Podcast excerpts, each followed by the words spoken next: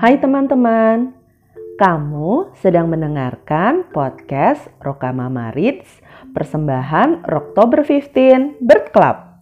Akan ada sebuah cerita menarik yang dibacakan oleh salah satu Rokamama. Seperti apa ceritanya? Yuk kita simak bersama.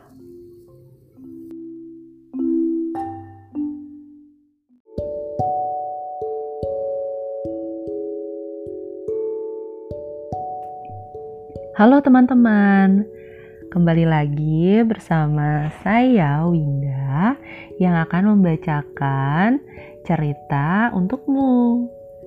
Kali ini saya punya cerita dari seri cerita binatang. Judulnya Kori si sayap mini.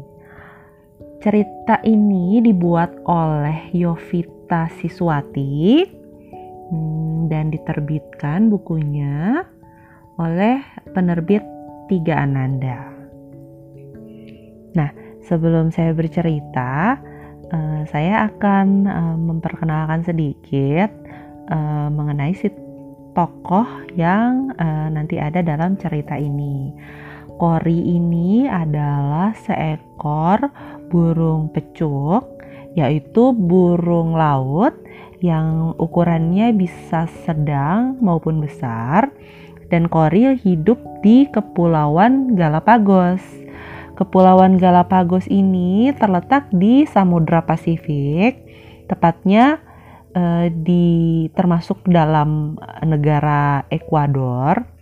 Areanya sendiri bisa dibilang eh, berada di kawasan Amerika Selatan dan Karibia. Oke, siap ya mendengarkan cerita Kori si sayap mini ini?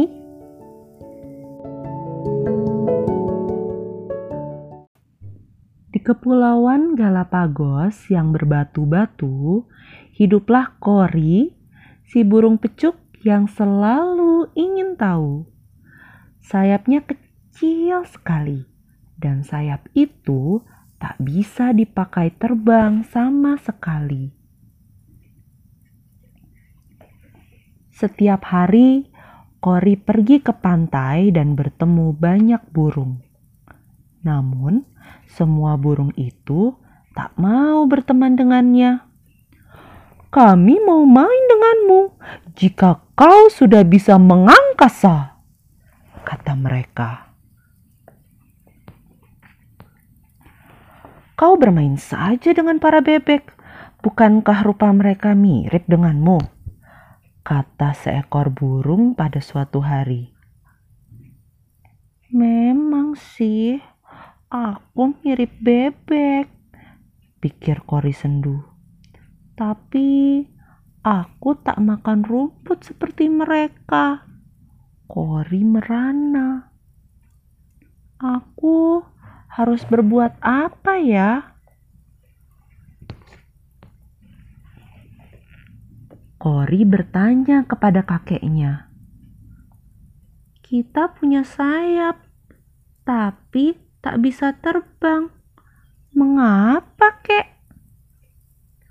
Dahulu kita semua bisa terbang, tapi kemudian kita lupa caranya. Jawab kakek. Kori tak mengerti Bagaimana bisa pecuk Galapagos lupa cara terbang? Keesokan hari, Kori ingin mencoba kegiatan yang lain. Ia akan berlatih berenang. Kori mengamati telapak kakinya yang berselaput dan kukuh. Pasti sangat membantu jika kugunakan untuk berenang, gumam Kori. Kori melompat ke dalam air. Ia mengayun kakinya kuat-kuat. Cihuy! Serunya. Aku bisa berenang secepat perahu motor. Kori berenang ke sana kemari kegiatan ini sungguh mengasihkan.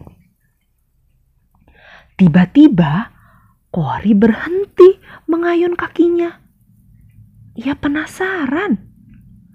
Hmm, apa yang ada di dalam air ya? Bisakah aku menyelam? Kori menenggelamkan kepala dan bisa. Ia bisa menyelam. Wow, ikan, belut, gurita, makanan kesukaannya ada di mana-mana. Hmm, nyam, nyam, nyam, nyam, nyam. Kori mengisi perut hingga kenyang.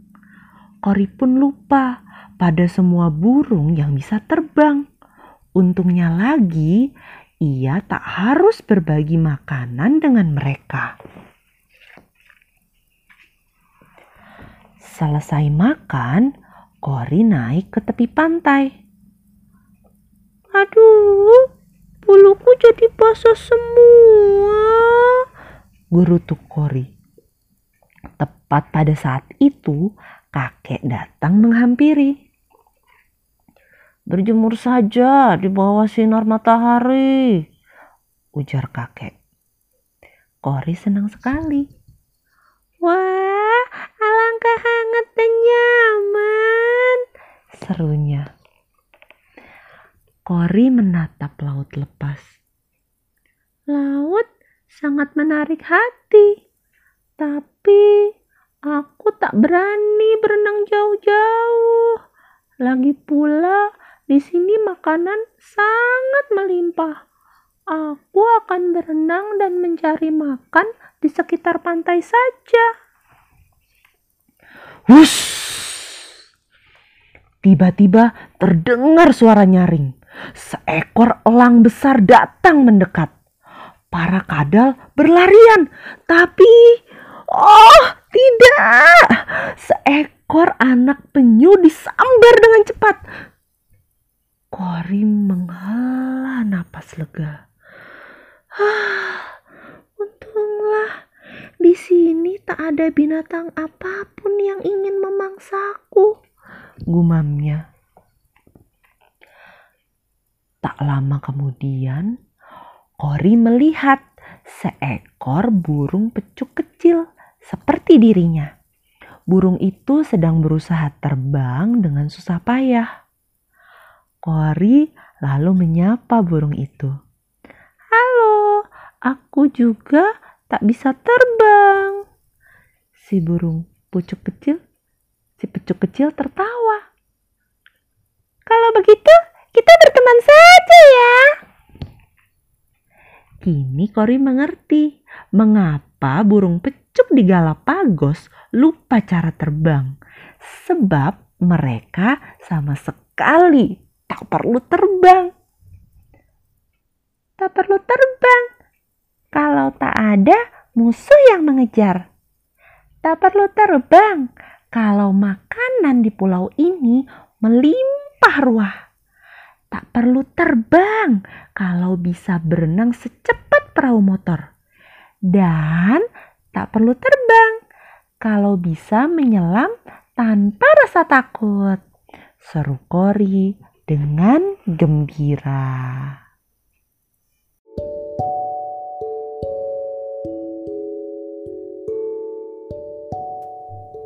Nah, teman-teman, itu tadi cerita Kori si sayap mini. Bagaimana? Kamu suka nggak dengan ceritanya? Nah, dari cerita Kori tadi, kita jadi tahu ya bahwa daripada kita terus-terusan bersedih dan meratapi kekurangan, lebih baik kita melatih dan menikmati kelebihan yang sudah kita miliki.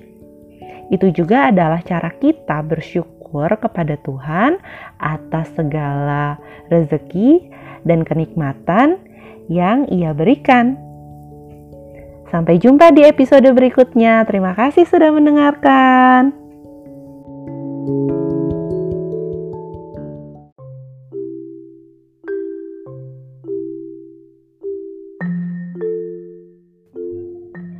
Terima kasih ya, kamu sudah mendengarkan podcast Rokamama Reads dari Oktober 15 Bird Club.